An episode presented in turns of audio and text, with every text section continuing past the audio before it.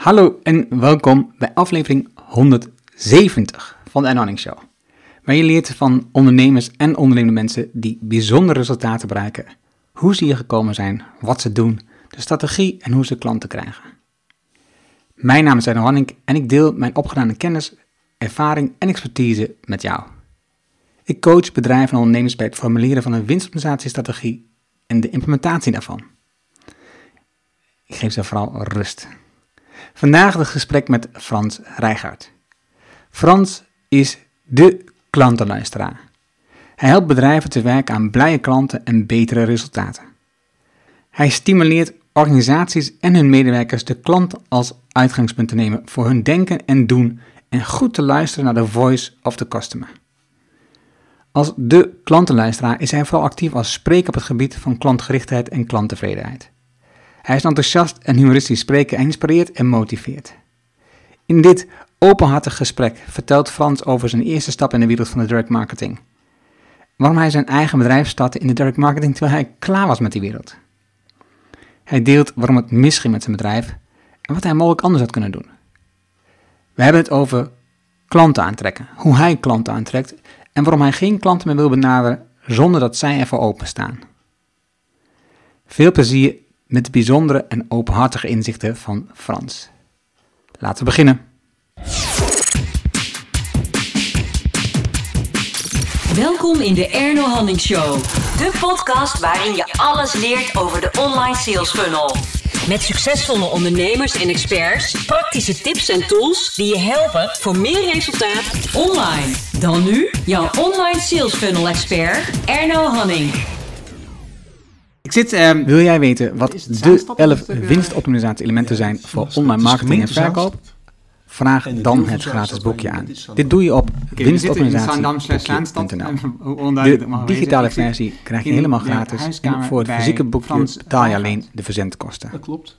Vraag welkom. jouw boekje Welkom nu aan op winstoptimalisatieboekje.nl. ehm, Je leest het in één avond we uit. gaan het, je vroeg net we gaan het in godsnaam over hebben. Ja, we gaan het over twee dingen, wat mij betreft, hebben we nu eh, ja, jou ehm, eh, hebben doorgelicht, tenminste wat ik kon vinden.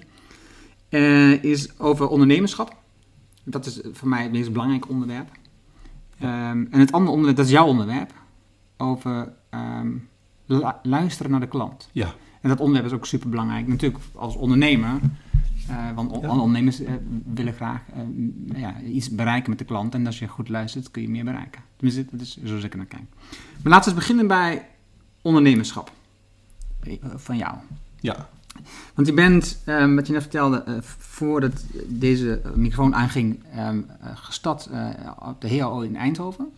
daar heb ik communicatie gestudeerd. Ja, En van daaruit ben je begonnen in een baan in de communicatie. ja een, een specifieke marketing, communicatie en nog specifieker direct marketing. Precies. Nou, En, en, en, en, want het is een bijzonder vak. Direct marketing, Ja. ik vind het een, een magisch vak. Maar, maar beschrijf het vak eens vanuit jouw ervaring. Nou, volgens mij is het ooit door eh, professor Jannie Hoekstra eh, gedefinieerd als direct marketing is een vorm van marketing gericht op tot stand brengen van structureel winstgevende relaties tussen een organisatie en haar klanten en potentiële klanten. Holy moly. Of iets dergelijks. Het klinkt in ieder geval heel ingewikkeld. Ik kan er een paar woorden naast zitten, maar zoiets was het. En daar, daarin staat er, het is een vorm van marketing. En, en ehm, wat ik heb gemerkt, is dat direct marketing gaandeweg steeds meer werd uitgelegd als direct mail. Ja. Waarschijnlijk ook door de afkorting. Direct marketing DM. En in, eh, zeker nu is in heel veel organisaties is DM, is direct mail. Of het is een direct message via social eh, kanalen. Ja. Eh, maar maar als, vorm van marketing, eh, die één op één relatie tussen organisatie en klanten, heel meetbaar, heel direct, heel persoonlijk, dat heeft mij altijd heel erg eh, aangesproken. Dus, dus dark marketing heeft mij gegrepen. Overigens hoor je dark marketing nauwelijks nog. In het buitenland wel. Maar in Nederland is dark marketing als vakgebied verdwenen. En dat is eigenlijk heel goed nieuws, want iedereen doet nu aan dark marketing. Maar als jij naar een, een, een, eh, een content marketeer bij een eh, telecombedrijf gaat en je, en je vraagt wat hij doet en hij of zij beschrijft dat en je zegt, je bent eigenlijk de hele dag bezig met direct marketing. Met één op één contact met die klanten en het meten daarvan en, en op basis van woorden eh, de, de, de, de, de sentimenten beoordelen. dan zit iemand je aan te kijken, dark marketing. Weet je. Ik ben helemaal niet bezig met dark marketing, maar dat is dus wel zo. Dus doordat iedereen het nu doet en alle organisaties het nu doen, is het als, als afgebakend eh, gebied verdwenen. Nou, dat is eigenlijk voor, voor alle dark marketeers die voorvechters waren van dark marketing, is dat goed nieuws. Maar, maar is dan, is er dan, ehm, want je zegt het is verdwenen en dat is een goed, eh, dat is een goed ding, maar is, is er een negatief sentiment over direct marketing? Absoluut. Waarom dan? Absoluut. Nou, dat heeft heel veel te maken met bedrijven, zoals het eerste bedrijf waar ik ben gaan werken, Lectorama Keurkoop. Of dat was Maildex. En Maildex bestond uit NTI-opleidingen per post, om het zo maar even te zeggen. Want we hadden toen nog helemaal geen internet. Nee. Alles ging Nee, per post. Dat, dat, klinkt nog... En eh, Lecturama en Keurkoop. Klinkt nog helemaal bij mij als En, bekend. eh, ja, nou ja, ik heb, ik, ik heb daar heel veel geleerd, dus ik, ik eh, eh, koester warme herinneringen. Maar de eerlijkheid gebied me wel te zeggen dat daar heel veel gebeurde wat niet deugde. En dan heb ik het over ehm, het respect voor de klant. Was, wa- dat was, was niet ver ontwikkeld. Dan druk ik me zachtjes uit. Dus het was heel hard selling. Heel erg gericht op, op verkoop. Ook de, de KPI's waren ook, ook echt traditioneel financiële KPI's. Dat zie je trouwens in nog, nog in veel organisaties, maar het wordt wel minder. Dus klantprestatieindicatoren, eh, klanttevredenheid of, of, of eh, NPS, of dat hadden we nog nooit van gehoord. Dat zat ook helemaal niet in DNA en in de cultuur. Dat was een hele harde cultuur.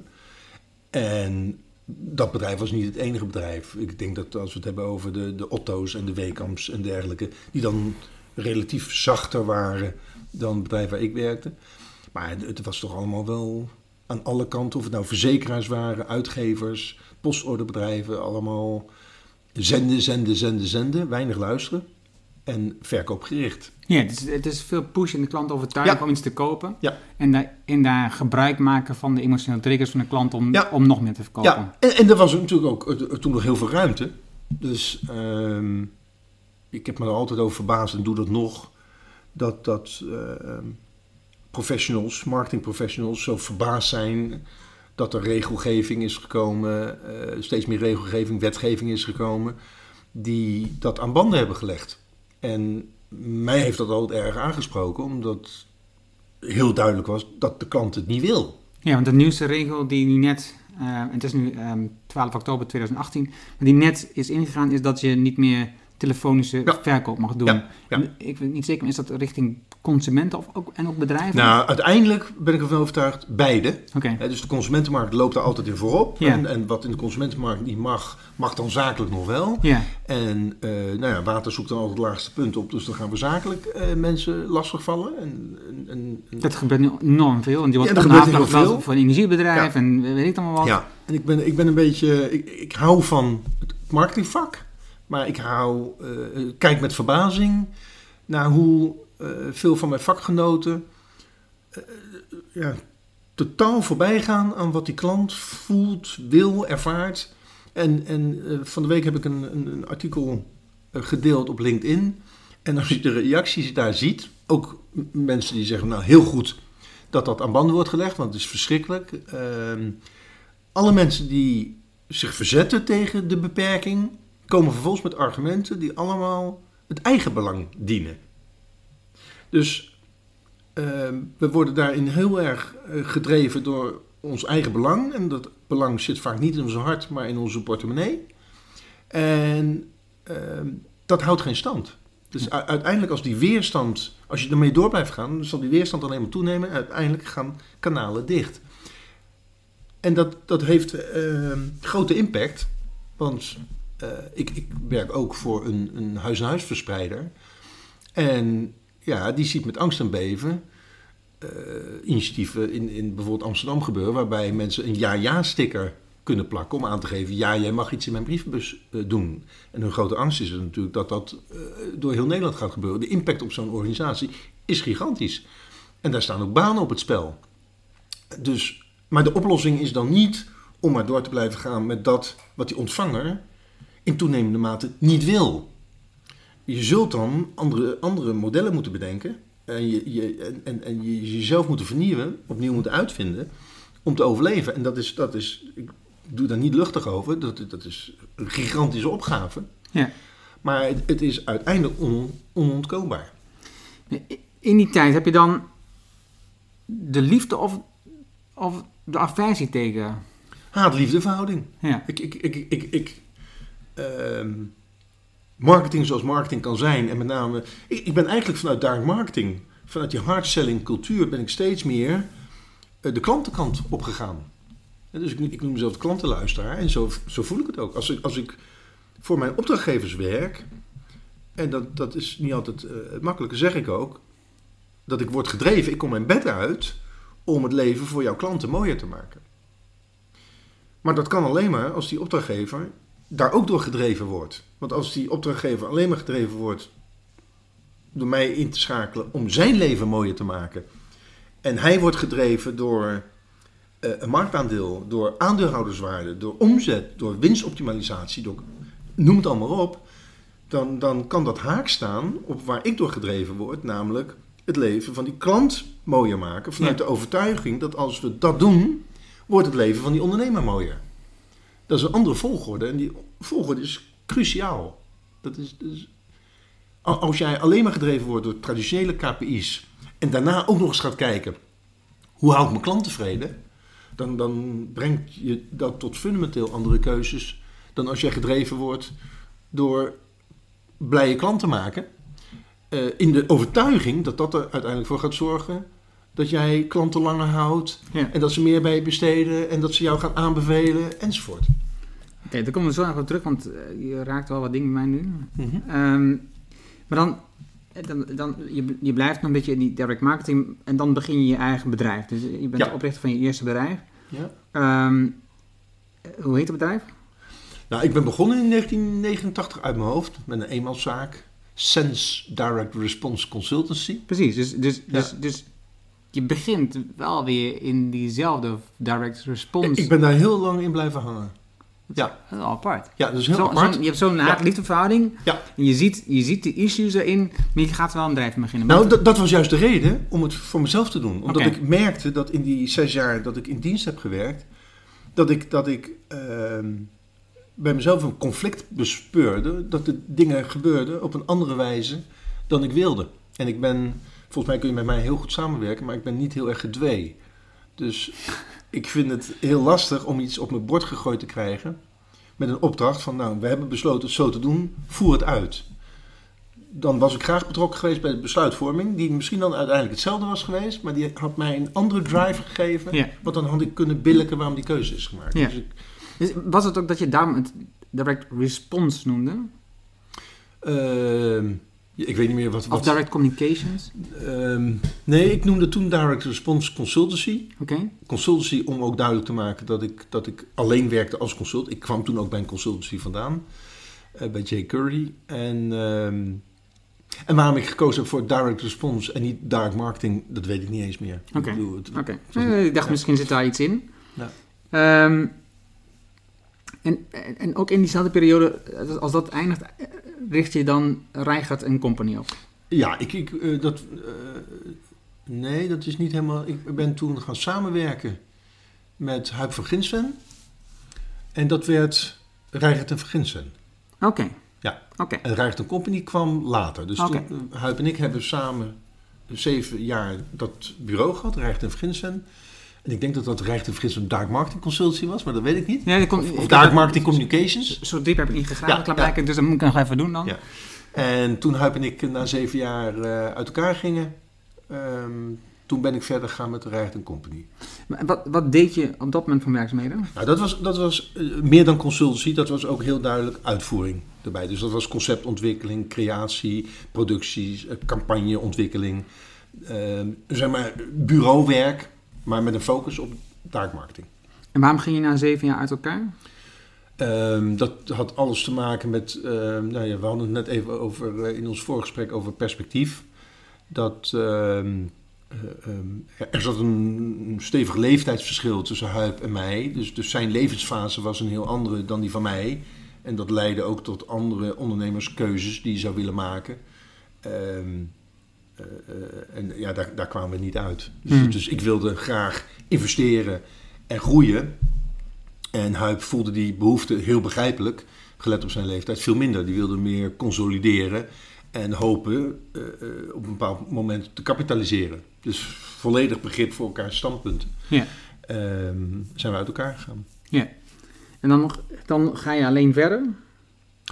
Ja. En dan komt ook op een bepaald moment ehm, weer direct communicatie naar voren, want dan is het holy cow direct communication. Ja. Ja, dat is grappig, want, want eh, Holy Cow, dat eh, zat al jaren in mijn hoofd. Ik had ooit, ooit een speech gehoord van Maggie Steinberger. En Maggie Steinberger citeerde daar een, een Britse dark marketing consultant. Die had gezegd, the customer is a holy cow. You don't milk a holy cow, you worship it. Oh, wow. Dus een, een, een, een klant melk je niet uit, maar die aanbid je. En ehm, dat vond ik zo mooi. Ik dacht ik van nou, als ik ooit nog iets begin in dit vakgebied, want dat raakte precies wat voor mij de kern is van marketing en ook van dark marketing. En dat begint bij wat wil je zijn voor die klant. En eh, ehm, ik zeg ook wel eens, we hebben het vaak over klantloyaliteit. En het grappige is dat, dat het dan altijd gaat over hoe loyaal die klant is aan ons. Klantloyaliteit gaat altijd over hoe loyaal die klant is aan ons. En ik vind dat het eerst zou moeten gaan, hoe loyaal ben ik aan die klant? En hoe, hoe wil ik echt voor die klant gaan? En, en dat betekent dat je eerst moet bepalen wie wil ik dat mijn klant is. Dat betekent niet dat je er moet zijn voor iedereen. Maar eerst bepalen voor wie wil ik er zijn en voor wie niet. En voor, voor die klanten waarvoor jij er wil zijn, daar moet je er dan ook echt volledig voor willen zijn. Oké, schets dan het beeld is als je dan begint met holy cow. Ja. Want, want heb je dan, bepaal je dan voor die tijd wie je klant is? Eh, ja, ik heb, voor die ik heb wel goed bepaald eh, wie mijn klant moest zijn. Ik moet je overigens zeggen dat ik heel veel dingen heel goed weet. Want ik praat erover alsof ik het allemaal goed weet. Dat weet ik, want ik hoor mezelf. Maar ik weet het allemaal zo goed omdat ik het allemaal fout heb gedaan. Ja, nee, maar daarom is het ook zo mooi aan je te vragen, want dan kun je leren. Ja, ja. En, en, en nu noem je een van de dingen. eh, ik kan heel moeilijk nee zeggen. En ik wil heel graag dienstverlenend zijn. En dat heeft me er wel toe gebracht om dingen te doen voor klanten waarvan ik achteraf zeg dat ik gewoon nee tegen moet zeggen. Dat, dat, dat die, die, die klant gaat ons bureau, ons bedrijf of mij niet verder brengen. Ja, en- dat is wel een grappige tegenstelling. Want net zeg je, oké, het gaat om het belang van de klant. Ja. En nu zeg je toch wel weer van, maar Ja. die klant gaat ons niet verder helpen. Dus Ja. dan zit je toch met je eigen belang. Eh, ja, maar je, je moet heel goed eh, kijken wat wil je als bedrijf zijn en welke klanten passen daarbij. Ja. Dus, dus, eh, eh, En waarom is het dan toch zo moeilijk om nee te zeggen? Want je hebt dat bepaald. Nou ja, dat, er komen soms. Kijk, je kunt actief acquireren, actief op zoek gaan en, en je in bepaalde netwerken bewegen en, en publiceren. En je kunt allerlei dingen doen om zichtbaar te zijn voor bepaalde type klanten. Maar ja, er komt ook wel eens een klant voorbij die je niet actief hebt gezocht. En ehm, ja, mijn collega's, slash medewerkers en ik maakten wel eens de grap als, als je eenmaal bezig aan het werk was voor zo'n klant, waarvan je eigenlijk wist van ja, deze klant wordt ook niet groter. Dat is, eh, nou, ik je een leuk verhaal vertellen. Ik heb niet zoveel haar, zoals je eh, eh, ziet. Ehm, dat er ooit een kapperszaak naar ons toe kwam. Via een medewerkster. Een medewerkster van ons was klant bij een kapperszaak. En die kapperszaak die wilde wat dingen. En dat meisje had gezegd... Nou, praat anders eens met mijn baas. En nou, dat heb ik gedaan, want ik, ik sta voor iedereen open. En daar had ik gewoon moeten zeggen... Nou, wat jij wilt, ik denk niet dat wij het juiste bureau voor je zijn. Maar ik ben daar advies aan gegeven en ik heb een voorstelletje gemaakt. En uiteindelijk zei ze ook nog van, nou ja, doe maar. En dan zit je dus uiteindelijk voor, voor eh, eh, 500 euro zit je te werken. En dat is voor zo'n eh, eh, eh, ondernemer is dat een hele hoop geld. Precies. Maar dat moet je gewoon niet doen. Precies. Dat moet je gewoon niet doen. En dat is... ehm, dat is- En, want, maar waarom is dat dan zo moeilijk? Nou, eh, ja, dan... Want je weet het wel. nee, ik weet het heel Nee, maar goed. op- maar ook op het moment dat je instapt, weet je al eigenlijk van, Ja. dit moet ik niet doen. Nou ja, ik denk dat twee dingen. A, ik vind het zo leuk. Eh, B, ik, ik zie de oplossing. En ik wil iemand graag helpen. En ik ben een slechte onderhandelaar. Dus ik, ik geef het liefst geef ik het weg. Als, ik, daarom ben ik ook een slecht ondernemer. Dat, dat, dat, ik ben wel, denk ik, een, een ervaren en goede professional. En bevlogen vooral. Maar ik ben geen ondernemer. Ik, ik zou eigenlijk een zaakwaarnemer moeten hebben... die de, zaak, eh, de, de financiële zaken voor me regelt. Oké, want hoeveel mensen had je toen? Nou, op, op zijn top bij Holy Cow hadden we tien medewerkers.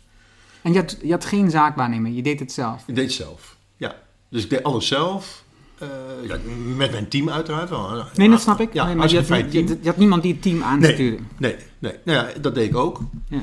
Ehm, maar mijn, mijn energie haalde ik, en daar lag denk ik ook mijn kracht, uit, uit eh, de expertise inzetten voor klanten. En, met- eh, en met, met eh, de, de creatieve komen tot oplossingen die de klant verder brengen. Ja. Maar ik, ik had, ja, denk ik, eerder wel iemand eh, in huis moeten halen of een, een, een, eh, een compagnon moeten vinden die de zaken eh, eh, op het gebied van HR en IT en zeg maar alle interne aangelegenheden, die dat doet, zodat ik het boegbeeld kon zijn en, en de PR en de zichtbaarheid en de klanten en de vakinhoudelijke kla- eh, kant, eh, dat ik kon doen. Want naarmate we groeiden merkte ik wel dat ik, eh, als ik heel eerlijk ben, eh, eh, niet gelukkiger werd van wat er allemaal aan, aan organisatorische zaken op mijn bord kwam. Ja. En dat, dat is kennis die, die zie je pas later. Dus, dat Ja, maar en, en, en daarom vraag ik bewust aan, want dat is natuurlijk wat veel ondernemers overkomt. Hè? Als je, als Ja. je in zo'n start-up fase zit Ja. en je bent dan doorgroeien naar de volgende fase. dat- je, je- je ontkomt er niet aan dat je werk doet wat je niet super leuk vindt, waar, waarvoor je niet je bedrijf bent begonnen, want Ja. het hoort erbij als je met mensen gaat werken. Ehm, maar er wordt vaak nagelaten om daar hulp bij te zoeken. Ja. Omdat, omdat, omdat, omdat de andere mensen werkelijk laten doen. Want je denkt dat je als ondernemer dat allemaal Ja. zelf moet Ja. doen. Nou, dat is niet waar. Dat, en het zit ook in je karakter, want je, je raakt nu eh, een, een kernpunt. ehm, hulp vragen. Dat, Ja. dat, dat doe ik heel moeilijk. Het grappige is dat ik dat eh, eh, nu beter doe. En de keer dat ik dat nu doe, heb ik er achteraf, achteraf nooit spijt van gehad. Ehm, maar goed, of dat iets is van je opvoeding of dat dat gewoon in je systeem zit ingebakken, ik weet het niet.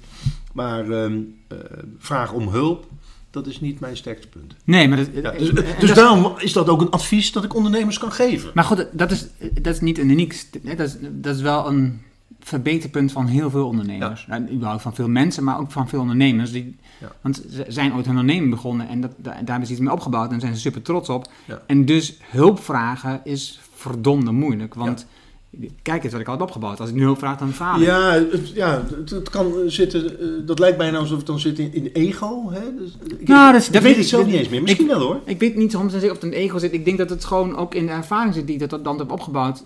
Ehm, Ja, hoe kan een ander dat beter weten? Nou ja, en, en, en ik had het eh, eh, ehm, in een andere aflevering met, met eh, Kees de Jong nog over. Eh, het, het is ook het punt dat je... Kijk, je bent ondernemer geworden en het advies accepteren van iemand anders die geen ondernemer is, is verdomd moeilijk. Want Ja. die, die weten niet alle ins en outs. En eigenlijk accepteer je alleen het advies van een ondernemer die al een stuk verder is dan jou. Ja.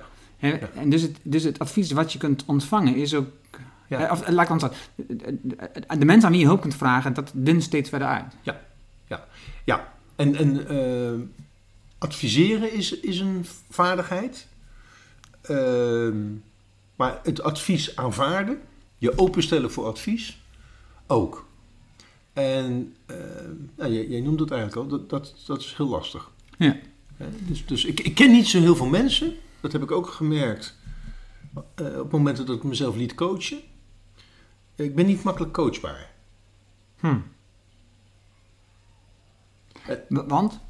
Nou ja, om- omdat ik al gauw denk, ja, dat, dat dank voor de, de feedback of dank voor je advies. Maar dat, dat doe ik toch anders. Hm. Eh, want ik denk namelijk dat het niet zo is.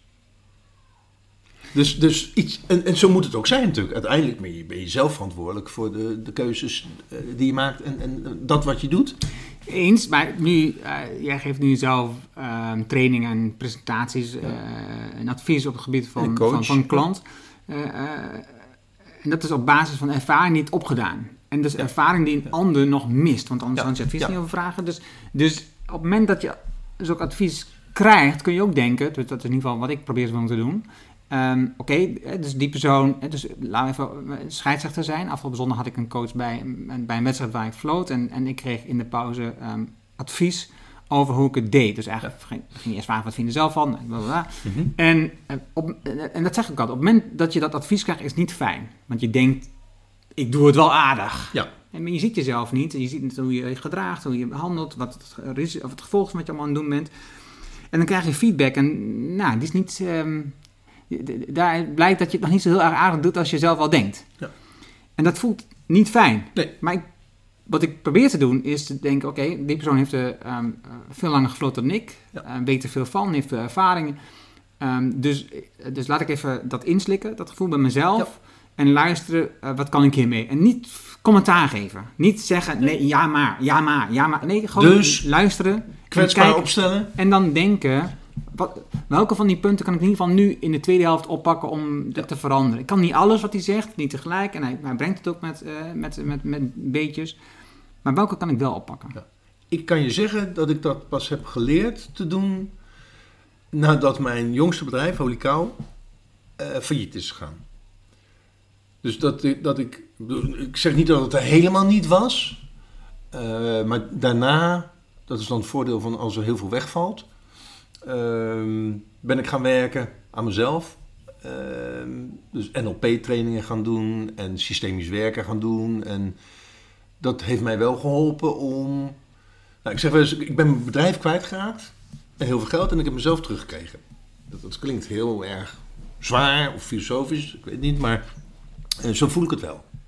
Want kun je, kun je aanwijzen wat het belangrijkste element was waarom het, waarom, waarom het bedrijf failliet ging? Nou ja, dat is het, het eerste wat je kunt aanwijzen, en dat is heel makkelijk, maar het zou onzin zijn om te ontkennen, is de crisis. 2008 brak er een crisis uit. 2007 kregen we het werk niet weg. Zoveel. Dat, dat- toen had ik maar één zorg. Hoe hou ik mijn klanten tevreden eh, door de hoeveelheid werk eh, eh, weg te krijgen? Dat was 2007. Dat was echt on- ongelooflijk. Zo druk. Het is een topjaar. Topjaar. Eh 2008 klapte het in. En we raakten geen klanten kwijt. Maar ze deden niks meer. En als ik dan met klanten sprak. En we werkten voor grote namen. De Lage Landen. En, en, en, en, eh, Fondswervers. En, en, en eh, Frieslandbank. En eh, eh, Siemens. En nou, noem maar op. Sanoma. Grote namen. Als ik bij die klanten kwam. Die waren zelf aan het overleven. De hele, mensen vergeten dat. En misschien is dat goed. Weet ik niet. Maar ehm, de hele economie lag stil. Echt heb ik nog nooit meegemaakt wat er toen gebeurde, 2008, 2009. De hele economie viel, viel stil. Wat wij ook deden, dat werk kwam niet. Of ja, mondjes, het was niet helemaal nul. Maar het, het, het was eh, ehm, een fractie van wat Ja. we daar... Nou, we hebben toen twee jaar met onze nagels aan de kozijnen gehangen. En toen, toen konden we zelf het faillissement eh, aanvragen. Dat, dat is één aspect. Ander aspect is ook dat als wij eerder hadden aangesloten bij digitalisering van media, online media, dan had dat op zijn minst de kans op overleven vergroot. Dus ik zeg niet dat we het dan hadden gered, want de klap was enorm en het bedrijf was krap gefinancierd, helemaal uit eigen middelen, dus geen geleend geld. En alles wat we verdienden, gebruikte ik om te investeren in bedrijf. In het pand, in de infrastructuur, in medewerkers, in, in, in zichtbaarheid van het bedrijf. Dus ehm, er werd niet met geld gesmeten, maar er werd geïnvesteerd in groei. Dat betekent dat de reserves, die waren daar niet of nauwelijks. Ehm, achteraf gezien misschien dom, maar een beetje als excuus dient wel dat dit hadden we niet zien aankomen. Nou, ik- Nee, nee, dit, dit- Eh. wat ik heb de afgelopen tijd natuurlijk veel ondernemers... En een paar keer komt kom deze, dit moment, deze periode, komt terug. Eh, ik herinner me eh, het gesprek met eh Jan, eh, Sean Kiefiet. Ehm, Mhm. eh, hij vertelde ook over eh, het klotsen tegen blind en het volgende moment was er gewoon Ja. niks meer. Nou, ik herinner me het gesprek met eh, eh, Rickert Walbeek, ehm, die in Haarlem zit met, zijn- met zijn sales en zijn uitleenbedrijf. Eh, ook het is vergelijkbaar. Weet je, eh, de enige oplossing was gewoon ongelooflijk snijden, iedereen eruit Ja. flikkeren en Ja. met één, twee mensen doorgaan Ja. en, en ja, gewoon heel rustig. Want wat hij ook, Nou, wat dat Rickert- heb ik niet gedaan. wat Rick het ook zei, je, het feit wat jij zegt. Hè, dus, de- de- de- de- wij hadden eh, het moeilijk, Ja. maar iedereen had het moeilijk. Dus I- iedereen? iedereen die in onze branche zat, en hij had het dan over de verhuur van die mensen, Ja. die gingen, de, de paar klanten die ze nog hadden, die gingen ze allemaal nabellen. Dus die, Ja. de, de, de inkoper of de contactpersoon werd op diezelfde dag door tien van die bedrijven gebeld. Ja. Ja, die- er was volledig paniek bij iedereen. Want Alles viel stil. En ja, wat ik zei, dan zat ik bij de Lage Landen. En dan sprak ik met Ed Sander. En die vertelde wat, wat de impact was bij hun. En zij werkte eh, veel voor de, voor de transportsector. Nou, die, die, die, die stond letterlijk stil. Ehm, dus zij, die- dat bedrijf kreeg een enorme klap. Dus als ik bij dat bedrijf had gewerkt, had ik ook gezegd van... joh, die marketing-communicatiekraan, die moet maar even dicht. En dan kijken we wel weer wanneer die open kan. Nou, uiteindelijk duurde dat heel lang voordat die weer open ging. Dus dat moment in 2010 dat ik voor de keuze stond... eh, faillissement aan te vragen of niet. eh, ja, dan ben je al bezig om, om vanuit privé aan te vullen, steeds aan te zuiveren. Maar hoe lang blijf je dat doen? En ik weet nog dat, dat mijn accountant zei van... "Maar Is het misschien over drie maanden of zes maanden? Want ik werk al wel 30 jaar eh, zelfstandig. Dus ik heb wel vaker een, een dipje, een recessietje meegemaakt. Eh, ehm, is het dan beter over, over een half jaar? En toen heb ik gezegd, nou als ik zou weten dat zo is, dan vul ik nu nog aan. Maar niets wijst daarop. En achteraf is dat ook verstandig geweest, want, want het ging nog veel langer door. Want volgens mij was 2010 was een record aantal faillissementen, maar volgens mij het jaar daarna, misschien zelfs het jaar daarna, nieuwe records. Dus we hadden het echt niet, niet gered. Maar de le- les die ik eruit heb geleerd is dat wij ook onvoldoende in onze businesspropositie hebben vernieuwd. Dus ik denk dat ons bureau, ik heb dat nooit onderzocht, maar ik krijg daar wel bevestiging van als ik daar met mensen over praat, dat wij de naam hadden van een goed marketingbureau van Frans Rijgaard. Dus het was vooral Frans Rijgaard de zichtbaarheid. Eh, Dat hoeft niet slecht te zijn, maar ehm, dat maakt je ook kwetsbaar. En, en ik denk ook vooral een traditioneel taakmarketingbureau. Dus wij deden ook heel veel traditioneel DM-werk, maar wij deden inmiddels ook heel veel eh, eh, state-of-the-art DM-werk. Maar voordat dat zichtbaar is voor de buitenwereld en ook kleeft aan je imago, dat duurt veel langer. Want traditioneel DM-werk... eh, Post. De, de, precies, de dubbele envelop. Ja, precies. En heel veel van fondswervers, en, eh, maar ook voor, voor eh, ik noemde Frieslandbank. Dus er was heel veel traditioneel DM-werk, maar we deden ook eh, steeds meer websites. We deden online acties, we deden toen nog sms-acties, e-mail deden we steeds meer. Ja. Maar dat was een fractie van wat we totaal deden. En voor de buitenwereld, natuurlijk stond het ook op onze website. Ja. Maar een, een imago, ehm, wat dus jarenlang onze kracht was, werkte toen tegen ons. Want ik denk wel dat wij een beetje in de hoek zaten van nou, traditionele DM, dan moet je bij Holy Cow lees Frans Reigert zijn, eh, of Pieter van der Buske. En nou, misschien Espen. En ik, ik denk dat Rep Collins was daar al voorbij. Die hadden al duidelijk veel meer die vernieuwingsslag gemaakt. Dus die waren, hadden zich al duidelijk uit, uit ontrokken. Ehm, nou, misschien Paul Kelder. eh, God hebben zijn ziel. Van Target, dat dat ook nog in de traditionele hoek zat qua imago. En die hebben allemaal klappen gekregen. Hey, en, en hoe lang heb je nodig gehad om, om weer op te krabbelen? Nou, wat, wat ik. eh, eh, misschien ben ik daar nog mee bezig. Ehm, ehm, maar wat ik heb gedaan, misschien niet verstandig, maar eh, zo voelde het in ieder geval op dat moment. Ik heb toen mijn bedrijf failliet ging, niet de keuze gemaakt om weer bij een bureau te gaan werken. Ik had niet de mogelijkheden om een bureau te starten. Simpelweg omdat het geld dat ik had zat in mijn bedrijf en dat was ik kwijt. Ehm, dus ik, ik heb toen eh, voor mezelf, ik heb een vel papier neergelegd, stiften erbij en ben toen gaan opschrijven, wat wil ik nu? En waar ben ik goed in? Waar krijg ik energie van? En waar niet? En daar kwam al snel uit dat, eh, misschien heeft dat ook meegeholpen aan het faillissement, dat weet ik niet, dat ik eigenlijk vond dat het bureau, dat, dat groeide en het eigenlijk heel goed deed, zich heel goed ontwikkelde, dat ik daar gaandeweg eh, steeds meer ging doen waar ik ongelukkig van werd. Dus dat, dat heb ik, dat kan ik niemand verwijten. Nee. Eh, ehm, en dat heb ik mezelf aangedaan, maar niet bewust. Dus naarmate het bedrijf groeide, deed ik steeds meer. Ik kreeg het niet rustiger. Naarmate ik meer mensen had, kreeg ik het niet rustiger. En ik, ik, eh, er kwamen steeds meer taken bij waar ik geen energie van kreeg. Die ik wel deed en moest doen, want je moet zo'n bedrijf goed organiseren. Maar daar haal ik mijn energie niet uit. Dus nou, dat, dat wil ik zo min mogelijk doen. Eh, waarschijnlijk ben ik ook niet die ondernemer eh, die ik dacht te zijn. Wel een, een vakman, denk ik.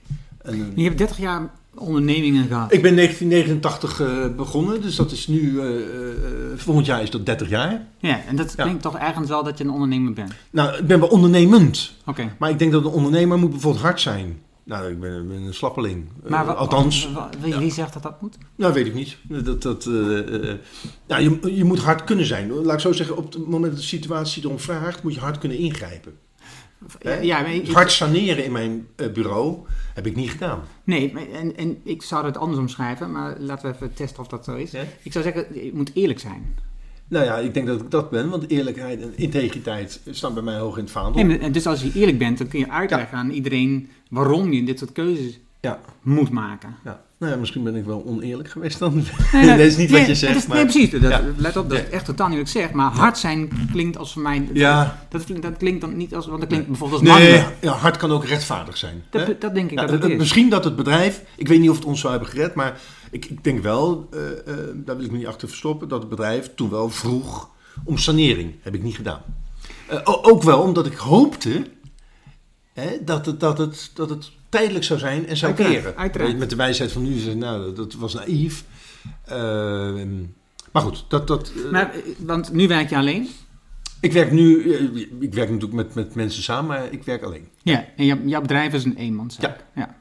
Het is, en dat is dan een bewuste keuze. Een bewuste keuze is geweest om dat af te maken, is om niet weer het bureauwerk te doen.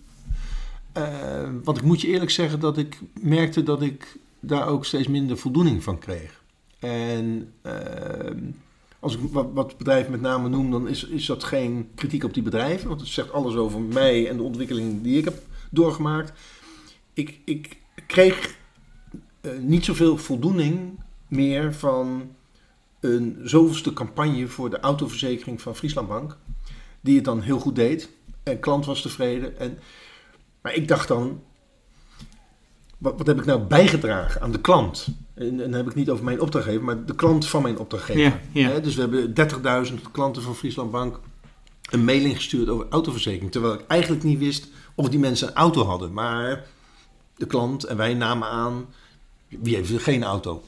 Eh, eh, we wisten ook niet waar ze verzekerd waren. Dus we wisten ook niet waarin onze propositie beter was dan wat ze nu hadden. En we wisten ook niet of zij op het moment van mailen, 17 april 2009, laten we even zeggen, eh, in de markt waren voor een autoverzekering van Frieslandbank. Dus eh, ja, nogmaals, eh, dat zegt niks over Frieslandbank.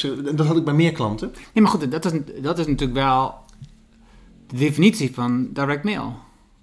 Je, je, nou, je dat- doet daar het, kunnen we nog wel... Nee, weet ik, dat- daarom, daarom zeg ik dit, Ja. dus ik ben benieuwd. Ja, Ja, nee, goed dat je dus me daarin, Je, eh, doet- je doet 100% stuur je uit en je weet daarvan dat de 2% of 3% Ja, ja. resultaat boekt. En dus je weet dat je dus gewoon eh, 17 tot 18% van de dingen schiet je gewoon mis. Ja, en daar, daar heb ik me altijd over verbaasd en tegen verzet. En, en dat is het mooie van deze tijd. Dat, dat, dat ik veel meer geloof in, in event-driven marketing. Dat ik, ik heb niks tegen post en ook niet tegen e-mail en ook niet tegen een telefoontje. Want eh, mijn stelling is al, die klant vindt het fantastisch als je hem die brief stuurt of mailt of eh, eh, belt. Als je maar relevant bent. Ik kan je diverse voorbeelden noemen waarvan als, als iemand mij vandaag belt uit het niets, koud. En je zegt, meneer Reigert, ik heb gehoord of ik heb gezien dat u heel erg geïnteresseerd bent in dit of dat. Ik, ja, sorry dat ik u bel, maar ik denk dat ik iets hartstikke leuks voor heb. Mag ik u daar wat over sturen? Ja, dan sta ik daarvoor open. Maar de meeste bedrijven die mij in de loop van de jaren hebben gemaild of gebeld, die deden dat omdat zij hadden bedacht dat ik interessant kon zijn voor hen. Dat is correct. En, Maar nooit omdat ze hadden nagedacht hoe zij interessant konden zijn voor mij. en dan eh, even terug, want dat wil ik even inzoomen, want dat wat je net noemt. Hè, dus dan is dus de eerste stap die dus degene die jou belt om te zeggen, hè, ik heb dat en dat van je gelezen, Ja. is dus het luisteren naar de klant. Nou, in ieder geval vooraf je afvragen, what's in it voor die ander? Ja. Waar, op, waar denk ik dat ik relevant kan zijn? Waar, ik, waar kan ik waarde hebben voor die ander? Maar dat kan alleen maar als je onderzoekt en luistert. Dat, dat is, nou ja, het is grappig dat je het in die context plaatst, want luisteren wordt vaak heel letterlijk uitgelegd eh, als luisteren. Maar luisteren is inderdaad kijken, ook kijken naar data, is ook luisteren. Je een beeld vormen van het perspectief van die klant en pas ik daarin? Ja. Ja? Volkskrant heeft zi- zich nog nooit afgevraagd als ze mij een abonnement aanboden. Van past dat in het leven van meneer Reigert op dit moment? Nee, ze hebben zich alleen afgevraagd, past het geld van meneer Reigert in ons leven? Ja. En dat, dat is. Dat is en, en je ziet dat, ik ben niet cynisch. Hè, voor, Nee, nee, nee, sterker nog, ik, ik zie die omwenteling nu gebeuren. En, en nog nooit eerder heb ik meegemaakt dat het in bedrijven zoveel gaat over de klant. Want, want hoe, hoe, doe, hoe doe je dat dan nu met jouw klant? Hè? Dus nu, jij geeft eh, eh, presentaties. Dat Ja. is het- volgens mij het meest wat je presentaties Ja, geeft ja, eh, ja. over het luisteren naar de klant. Maar Want je- hoe doe jij aan koude acquisitie? Eh, Heb jij dan van tevoren... Niet? Niet. Hoe werf je nieuwe klanten? Content marketing. Dus ik, ik, ik zorg dat ik zichtbaar ben en ik publiceer content en ik deel kennis. En ik, en, en ik zorg of ik vraag eh, aanbevelingen en, en, en vraag anderen voor mij eh, te verkopen of aan mij te denken op het moment dat zich een kans voordoet. Ja, dus, dus als ze dan bij jou komen, dan weet je dat ze in principe al Ja, voor je ja. openstaan. ik leg het initiatief niet meer neer naar de ander om contact met mij te zoeken, dan dat ik contact zoek met een ander. Kijk, als ik op LinkedIn zie dat iemand een spreker zoekt eh, en een ander zegt van nou, eh, eh, denk ook eens aan Frans Reigert. Dan bedank ik degene die mijn naam noemt. En dan stuur ik degene die iemand zoekt even een berichtje van nou, Pietje, eh, je zoekt een spreker zie ik. Pietje noemt mijn naam. Als je geïnteresseerd bent, eh, dan weet je me te vinden. Kijk anders even op mijn website of op mijn LinkedIn profiel. Maar ik ga bijvoorbeeld die persoon niet bellen. Want ik, ik denk dan, als ik zou vragen via LinkedIn om sprekers, van joh, weet je goede sprekers op het gebied van zus me zo, en mensen komen met namen, dan zou ik het niet fijn vinden dat al die namen mij gaan bellen. En dat maakt me misschien een slechte verkoper. Ik ben de eerste om toe te geven dat ik een slechte verkoper ben. Maar misschien ben ik wel een, een verkoper die ruimte laat aan degene die zich oriënteert op koop. Maar iemand die interesse aangeeft en zegt, meneer Reigert, bent u beschikbaar op die en die datum voor een event voor onze dealers of onze medewerkers of eh, onze directie of wat dan ook. En we zoeken iemand die kan spreken over klantgerichtheid en klantbeleving. En ja, er moet ook gelachen worden en een leuke sessie van maken. En eh, eh, bent u beschikbaar en wat kost dat? Nou, die beantwoord ik snel, die stuur ik snel de informatie. Ik, ik, ik geef nog wat tips van leuke dingen die we kunnen doen met een gouden giraf. Of dingen die we kunnen doen met mijn boek. Of, ehm, en, en dan is mijn conversie meestal hoog. Ja. Maar ik, ik heb geen apparaat in werking om allerlei eh, mensen waarvan ik vermoed dat ze wel eens sprekers inschakelen, om die te bewerken en, en daar Frans Reigert aan te verkopen. Ja, want hoe zag je dan voor dat je wel bij meer ondernemers, bedrijven in beeld komt op het moment dat zij die behoefte hebben? Ja. Nou, wat, wat ik gemerkt heb is. ehm, mijn, mijn propositie is volledig veranderd. Dus ik had een bureau en ik heb er bewust voor gekozen om niet weer bij een bureau te gaan werken. Dat was misschien handiger geweest dan wel. eh, Financieel was het handiger eh, geweest om dat wel te doen, want ik, ik viel, eh, mijn bezit was weg en mijn inkomen werd nul. En mijn lasten waren hoog, want ik was in 2010 ook nog gescheiden. Dus ik, ik zat in een situatie waarin mijn bezit weg was, mijn inkomen nul en mijn verplichtingen waren eh, hoger dan ze ooit geweest waren. Dat is een giftige combinatie. Je kunt het beter andersom hebben. Ja. Dus het, er was alle reden geweest om wel in te gaan op de toenaderingspogingen vanuit bureaus die natuurlijk best geïnteresseerd waren in Frans Reigert en zijn kennis en ervaring en zijn netwerk, om die erbij te halen. Ik moest er niet aan denken. Ik had het helemaal gehad om weer dingen te doen die ik al zo lang deed. En ik heb er bewust voor gekozen om dingen te doen waarvan ik het gevoel had, dat draagt iets bij. Ik heb nu heel sterk het gevoel, en ik wil het niet groter maken dan het is, maar sta mij toe dat ik het gevoel heb, elke ochtend als ik uit bed kom, dat ik bedrijven ga helpen hun klanten blijer te maken. En bedrijven te helpen om te luisteren naar hun klanten, om die feedback te gebruiken om hun performance te verbeteren. Hun, hun service te verbeteren, hun producten te verbeteren, hun diensten te verbeteren, hun medewerkers te verbeteren, enzovoort. Ehm, niet door klakkeloos te doen wat die klant zegt. Dat is, weer, dat is een verkeerde uitleg van naar je klant te luisteren. Maar door in ieder geval te luisteren naar eh, ehm, wat, wat zij willen, heb je een goed beeld van welke keuzes jij kunt maken. Maar jij maakt de keuzes, niet de klant. Want de klant kan de perspectief niet overzien. Dus mijn positie is heel anders. Maar dat betekende ook dat ik eigenlijk mezelf opnieuw aan het uitvinden was. Dus ik heb heel erg geïnvesteerd in mezelf om een betere spreker te worden. Dat deed ik al wel. Maar ik was geen professioneel spreker. Ik deed het daarbij. En lesgeven deed ik erbij en dergelijke. Maar ik vond het wel altijd leuk. Ik vond op school spreekbeurt al leuk. Terwijl de meeste Ja, heel klaar. Ja. ja. Ehm, dus ik heb mezelf eh, opnieuw moeten ontwikkelen. Ik zeg ook heel eerlijk, het beeld dat mensen hebben is dat ik daar in de afgelopen jaren buitengewoon succesvol ben geweest. Dat is blijkbaar de impact van social media. Terwijl als ik dan eh, mensen eh, sprak, dan zeg ik, nou ja, fijn dat jij dat beeld hebt, maar dat is niet zo. Ik, heb de, ik, doe, ik ben niet zielig, want ik hou niet van, van eh, zielig doen. Maar de afgelopen jaren zijn heel moeilijk geweest. En zelfs dit jaar is nog moeilijk geweest. Dus, dus eh, eh, ehm, Ehm, en ik ben niet de enige, want ik, ik, op het moment dat ik zo open ben naar anderen, merk ik dat mensen ook ineens open worden naar jou. En dan spreek ik heel veel ZZP'ers die zeggen, nou ik zou je wat verklappen. Maar ik ook. En ik overleef, zeggen ze dan, dankzij het inkomen van mijn partner. Het is dat mijn partner een baan heeft en daardoor overleven wij. Maar met mijn inkomen alleen redden we het niet. Dus, dus ik heb het vorige week nog gelezen over arme werkenden. Dat is ook een groep Ja. inmiddels. Ja. En daar zitten geloof ik 35.000 of 48.000 ZZP'ers in. Dus nou, doe er verder niet zielig over, maar eh, afgelopen jaren ehm, eh, ja, heb ik gekozen voor een ander traject waar ik in ieder geval heel gelukkig van werd. Dus daarom ben ik ook niet zielig.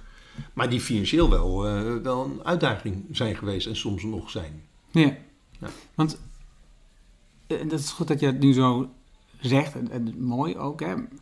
Wa- Want hoe zag je... Want dan wil je in principe... Wil je, ehm, je wil zoveel mogelijk klanten helpen. Jouw klanten helpen Ja. om hun klanten... Ja. nee, hun klanten beter te luisteren. Ja. En, en dan is het dus... eh, In mijn wereld logisch dat je ervoor zorgt dat je bij veel meer klanten dus in beeld komt.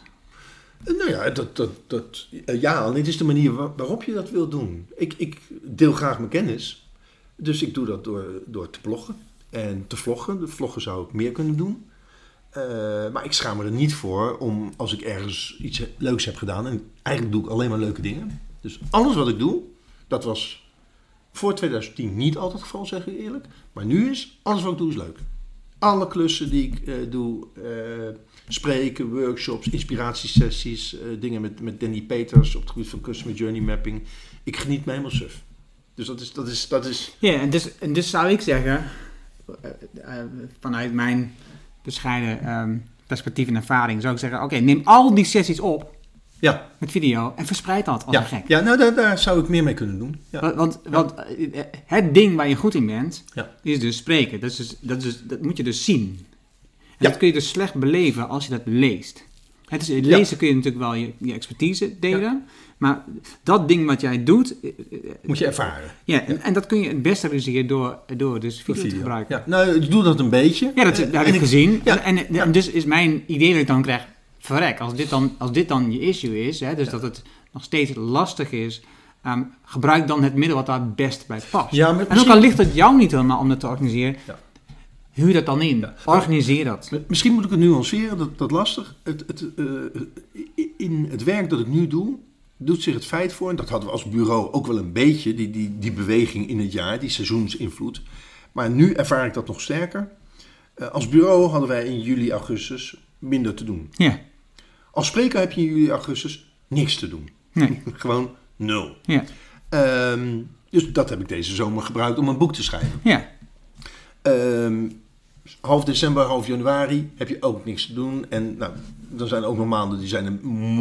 Ja. En heb je de maanden die zijn stervensdruk. ja, Dus zeg maar even april, mei, misschien ook nog een beetje juni, is heel druk. ja, Eh, september een beetje, maar vooral oktober, november, stervensdruk. Dus mijn oktobermaand is goed gevuld. En november is echt gewoon...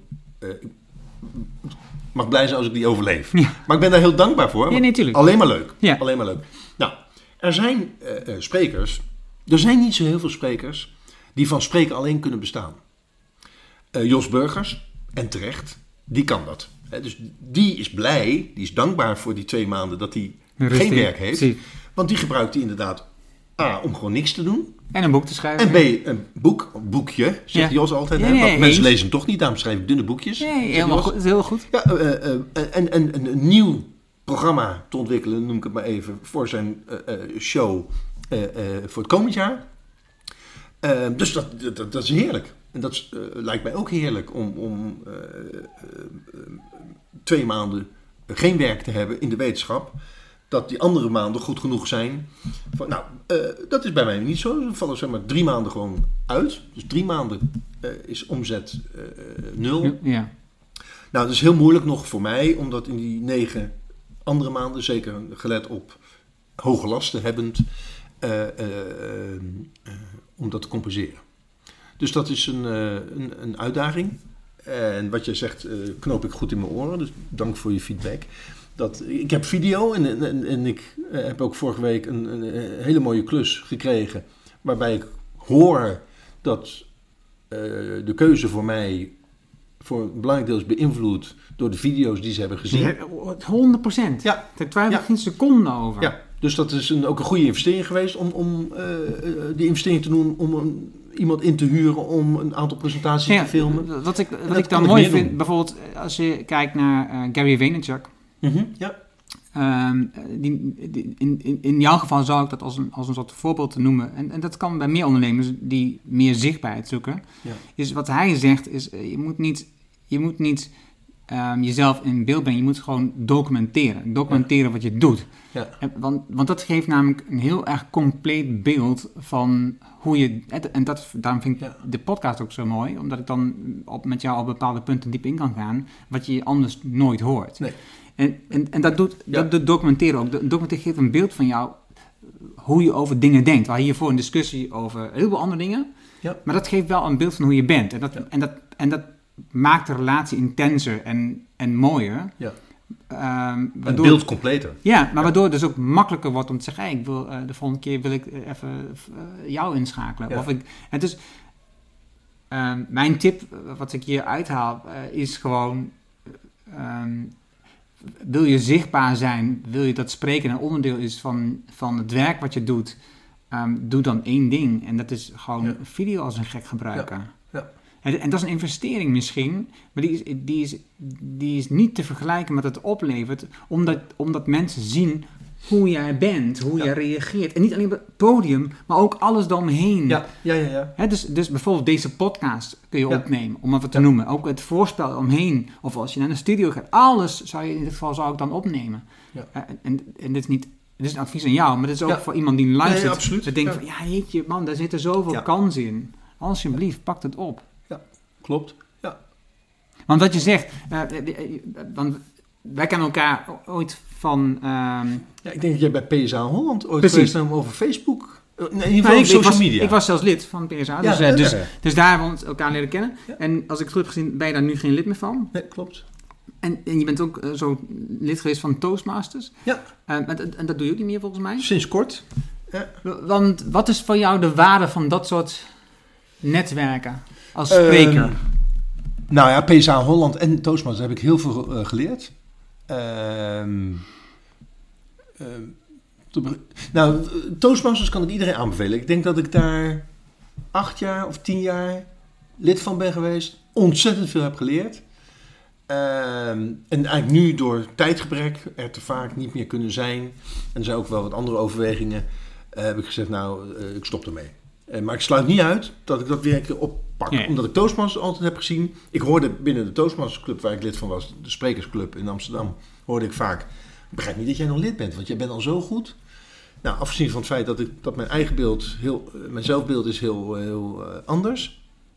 Ehm, dacht ik ook altijd van, ja, maar dat is toch gek. Dat, dat, is, dat is alsof McEnroe tegen Jimmy Connors, niet dat ik me daarmee vergelijk, zei van, ik snap niet dat jij nog komt trainen, want je bent Ja. al zo goed. Ja, en dat dus- snap ik überhaupt niet. Nee. Want dat, als je kijkt naar topsporters, weet je, die trainen altijd. Ja, dus ik, ik vond het heel leuk en ik, ik had ook echt het gevoel daar nog steeds eh, te leren. Ja. En, en steeds weer, eh, ja, daar waar je het een dan beter weer, eh, deed, dat iemand je toch nog in je feedback, en want Toastmasters is vooral feedback, een hele, hele constructieve, veilige, warme feedback. Dat ik dacht, ja, ja, dan heb ik, nou, nou heb ik dit goed en dan heb ik dat nog aan. En dan ga je daaraan werken. En je hebt zelf niet in de gaten dat je beter wordt. Maar ik durf te zeggen, iedereen die ik bij Toastmasters heb zien binnenkomen en weer heb zien weggaan, iedereen, niemand uitgezonden, uitgezonderd, heb ik beter zien worden. Natuurlijk, de een komt op een lager niveau Ja. binnen dan de ander en de een heeft van nature wat meer talent dan de ander. Maar allemaal heb ik ze beter zien worden. Ja, eh, eh, laten we dan even de link leggen naar ondernemen. Want die vind ik dan wel super interessant.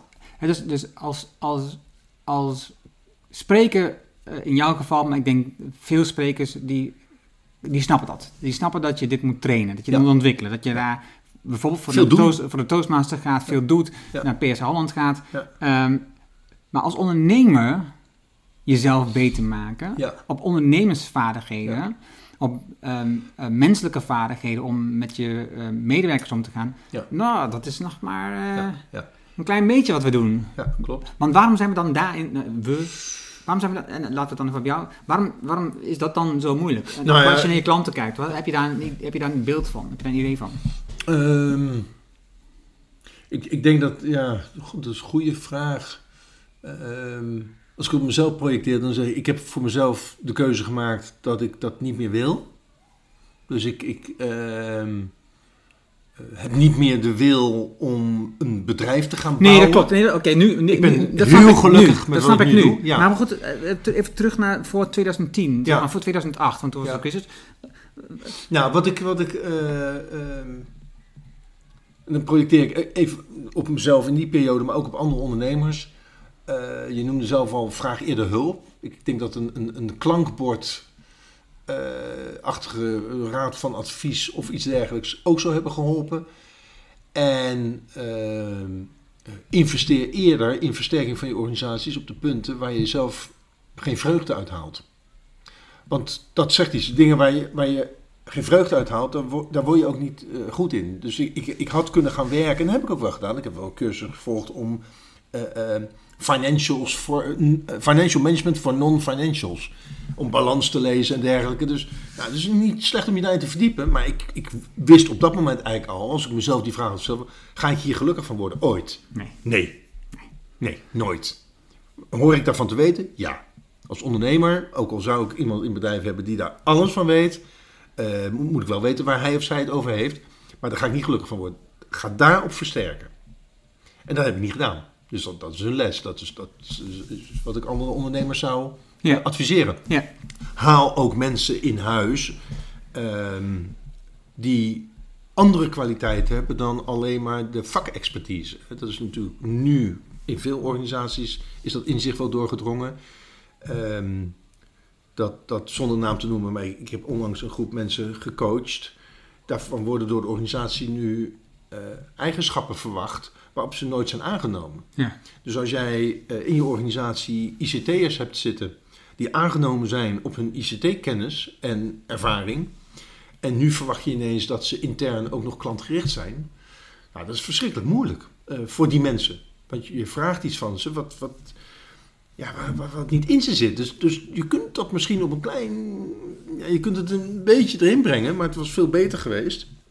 Maar goed, als de koe in zijn kont kijken.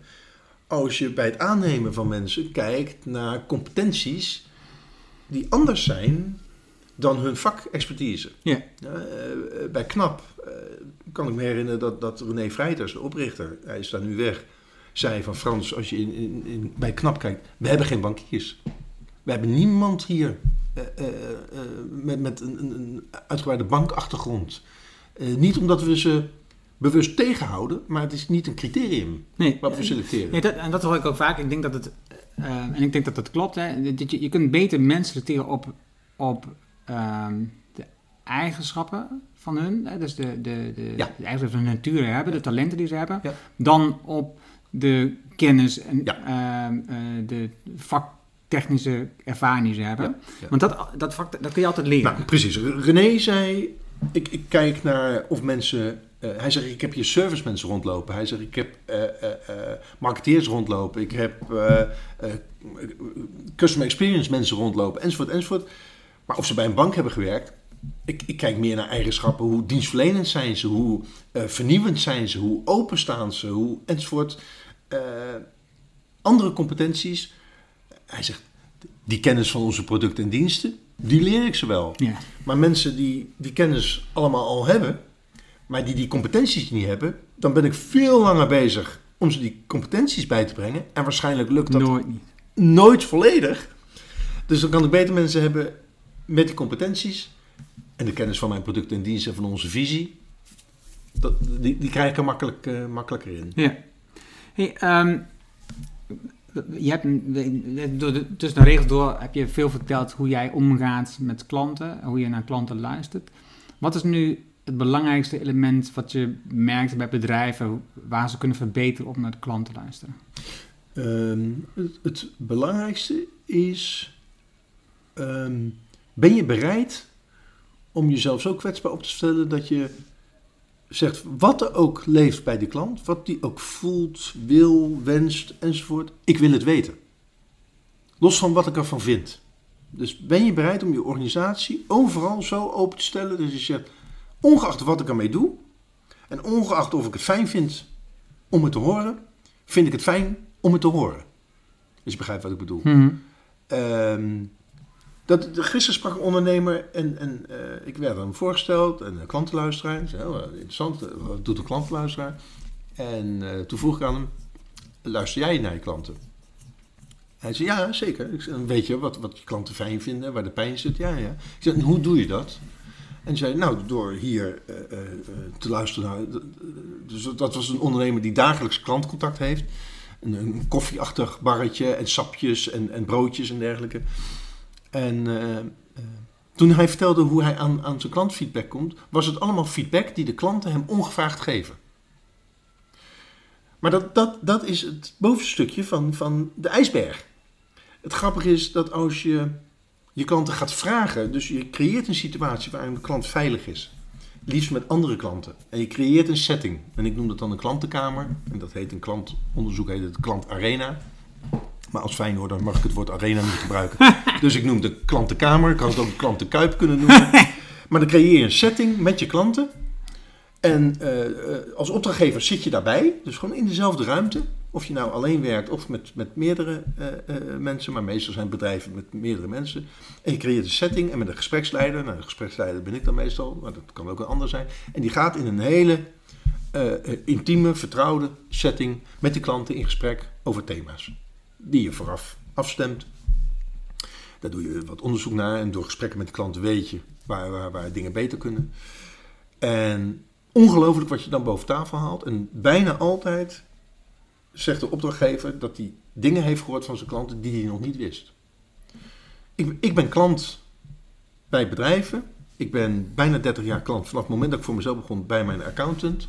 En er zit een verhaal in mij, eh, een pijnlijk verhaal, wat die accountant zelf niet weet. En dan kun je zeggen, maar waarom heb je dat dan nooit verteld? Ja, ik weet niet, ik vind dat moeilijk om te zeggen. Maar als die met mij een situatie zou creëren en mij zou vragen om, wat zouden we beter kunnen? Of is er iets wat je nog kwijt wil? Dan zou ik dat verhaal vertellen. En daar zou die heel veel aan hebben. Nou, ehm, dat, dat geldt, klanten vertellen je niet anders. Nee. Klanten zijn meesters in het creëren van workarounds. Er zijn klanten die, die kopen al jaren dezelfde eh, jong belegen kaas. Terwijl ze elke keer weer zitten te klooien met die verpakking. Maar die fabrikant weet het niet. Want die klant heeft nooit die stap gezet om te bellen of een mailtje te sturen naar wat, wat, wat een klote verpakking hebben jullie. Ik, maar iets maar- maar nu, nu, nu ehm, wat jij zegt, dan, op dat moment ben jij dan de klantenluisteraar, je bent de gespreksleider om die situatie te creëren. Ja. Nu ben ik een bedrijf met 15 mensen, zeg je bijvoorbeeld. Hè? Hoe organiseer ik dat nu zelf? Of misschien ben ik Nou ja, met, creëer situaties, creëer situaties waarin je... Want kan ik dan, dat, dat is eigenlijk denk ik mijn vraag hierin. Ja? Kan ik dan zelf op dat moment een gespreksleider zijn? Nou, dat zou ik niet doen. Precies, dat bedoel ik. Dat, Dat is zou ik niet doen. En dat eh, gaat niet of, of ik het nou ben of een Nee, ander. nee. Maar ik zou altijd iemand van buiten vragen. Omdat het veel makkelijker... Die kan ook alles zeggen. Ja. Die kan ook alles vragen. Die is ook onverdacht voor die klanten. Het is heerlijk om, om voor die klanten aan tafel om te weten... Deze persoon, ja, natuurlijk wordt die ingehuurd en betaald. Dat kun je ook gewoon zeggen door die mensen hier. Maar ik ben hier voor jullie. En ik, ik, Ja. ik, ik ben er om, om alles hier op tafel te krijgen wat er bij jullie leeft. Dus eigenlijk, eigenlijk moet er gewoon veel meer klantenluisteraars zijn.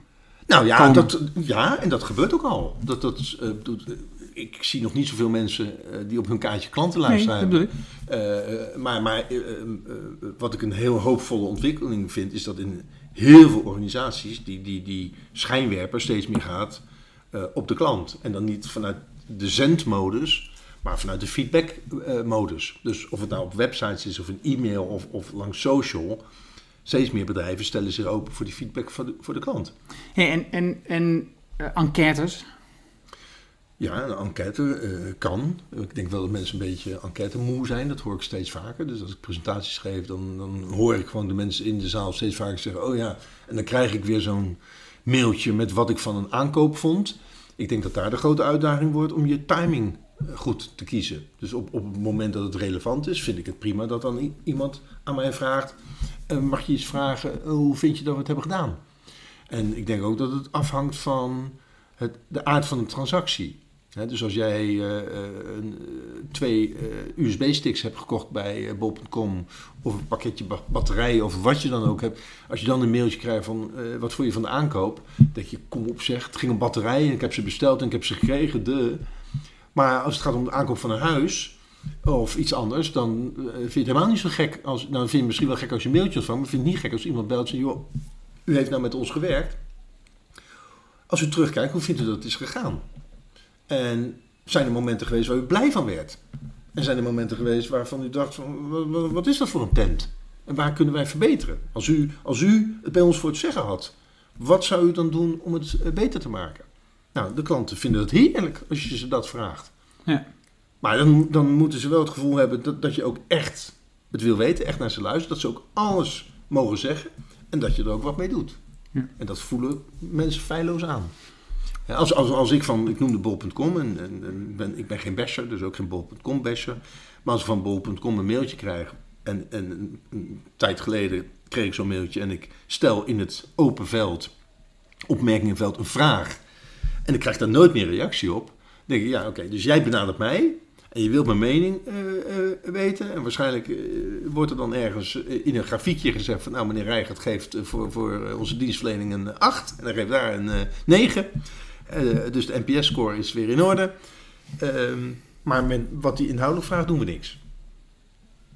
Ja, dan voel je als klant niet serieus genomen. Ja, ja dat snap ik. Hey, ehm, we gaan aan de afronding. Je hebt zelf ehm, meerdere boeken geschreven. Ja. Ehm, nou, we gaan die boekenlijst erin zetten, dus we gaan niet over die boeken hebben nu. Eh, maar ik ben, eh, je hebt hier veel boeken staan, dus ik ben wel benieuwd. eh, wat is het boek wat je het meest aanbeveelt aan mensen, ehm, aan ondernemers, aan klanten op dit gebied? Ja, laat ik dan zeggen, het hoeft niet eens per se op dit gebied, in het algemeen. In het algemeen, och jeetje. Er zijn, eh, ik vind dat zo moeilijk, eh, die vraag. Ik ga je wel antwoord geven hoor, maar eh, ik vergelijk die vraag ook met wat is de beste film Nou, nee, ooit dan maak ik hem dan- concreet. Wat heb je het- afgelopen jaar het meest Ja. weggegeven? Ik, ik denk aan Service Excellence. Oké. Vind ik een, een, een prima boek. Ehm, Outside In is een goed, goed boek. Eh, Klantgericht Leiderschap van Sidney Brouwer. Kan ik zeker aanbevelen. Op, op, op dat gebied, maar goed, dat is mijn perspectief. ehm, is er heel veel waar je altijd weer wat eh, uithaalt. Ehm Heb, je, heb je een boek wat je hebt gekocht wat je vaak hebt gelezen? Ja, de, de grappig, de- gisteren had ik het daar nog eh, over, met hoe moeilijk ik het vind om boeken eh, weg te doen. Terwijl de boeken die ik heb herlezen, ja, ik denk de plakfactor heb ik misschien twee keer gelezen. Oh, ja. En heel veel boeken grijp ik nog wel naar terug. Ehm, maar ik, ik denk niet dat er heel veel boeken zijn. Kijk, romans lees ik sowieso zelden. Het is bijna allemaal vakgerelateerd. Ehm, of Feyenoord gerelateerd. Dat is ook Ehm, een vak. ja, nou, dat, ja, ja, dat is een, eh, een lijdensweg. Ehm, eh, een liefdevolle lijdensweg. Maar ja, nou goed, de boeken die ik noemde zou ik zeggen van, eh, die, die kan, ik, eh, kan ik aanbevelen. Maar goed, eh, ehm, 9 plus organisatie. Eh, Oh ja. in, in, in die hoek. ehm, de, nou, de opvolger daarvan is, wat is het, 9 plus klant. eh, eh, nou, ik weet niet meer, maar goed. Die, de 9 plus eh, boeken, de twee 9 plus eh, eh, boeken, kan ik van harte aanbevelen. Dus in, in, die, ja, in die hoek zou ik het zoeken. Dankjewel Frans. Dankjewel. Erno. Dit was het bijzondere gesprek met Frans. Je vindt de namen en links die we noemden in het artikel dat bij deze uitzending hoort. Ga daarvoor naar nhanning.nl slash show 170. 170. Wil je vanzelf automatisch elke nieuwe aflevering van deze podcast, van dit soort gesprekken, op jouw telefoon krijgen? Altijd de laatste aflevering? Abonneer je dan via jouw favoriete podcast-app. Nou, bijvoorbeeld op jouw iPhone zit de Apple Podcast app automatisch op, dus je hoeft er niks aan te doen, niks te installeren. Je zoekt op de Anne Show, klikt op de plusje om te abonneren en tada! Heb je vragen, opmerkingen, reacties over deze aflevering met Frans Rijgaard? Stuur me een e-mail naar podcast.nl. Ik hoor super graag van jou.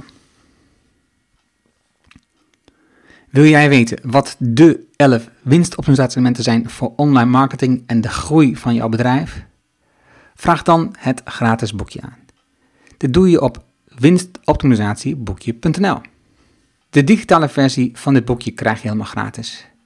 En ik stuur je zelfs het fysieke boekje toe als je de verzendkosten betaalt.